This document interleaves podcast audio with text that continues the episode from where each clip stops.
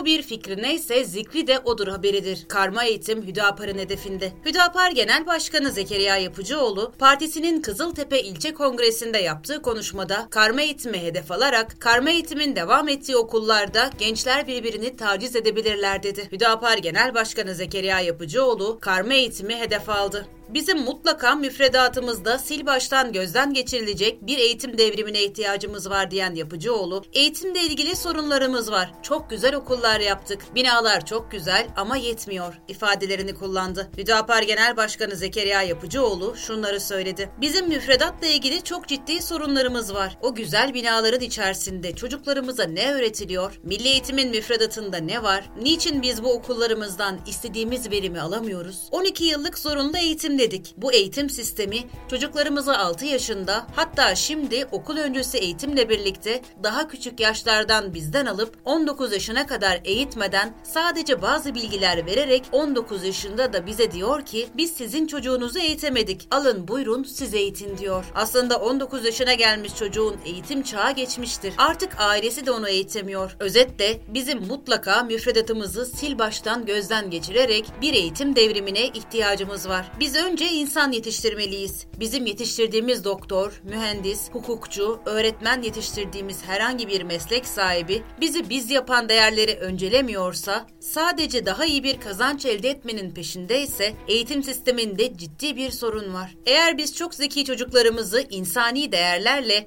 manevi değerlerle teçhiz etmezsek, o çok zeki olanlar kimsenin fark edemeyeceği dolandırıcılık yöntemleriyle milletin cebini boşaltabilirler ya da o çok iyi eğitim almış çocuklar kendi anne babalarının katili durumuna gelebilirler. Okul ve sınıf içerisinde kendi karma eğitiminin devam ettiği okullarda gençler birbirini taciz edebilirler okul ve sınıf içerisinde kendi akranlarına akla hayale gelmeyecek bazı davranışlar ortaya koyabilirler. Özellikle karma eğitimin devam ettiği okullarda gençler birbirini taciz edebilirler. Gençler birbirine insanın insana yapamayacağı muameleleri yapabilirler. Bunun sorumlusu o gençler değildir. O gençleri eğitemeyen, onları o hale düşürmeye adeta teşvik eden, zorlayan eğitim sistemidir. Mutlaka bu konuda çok ciddi önlemler almak zorundayız.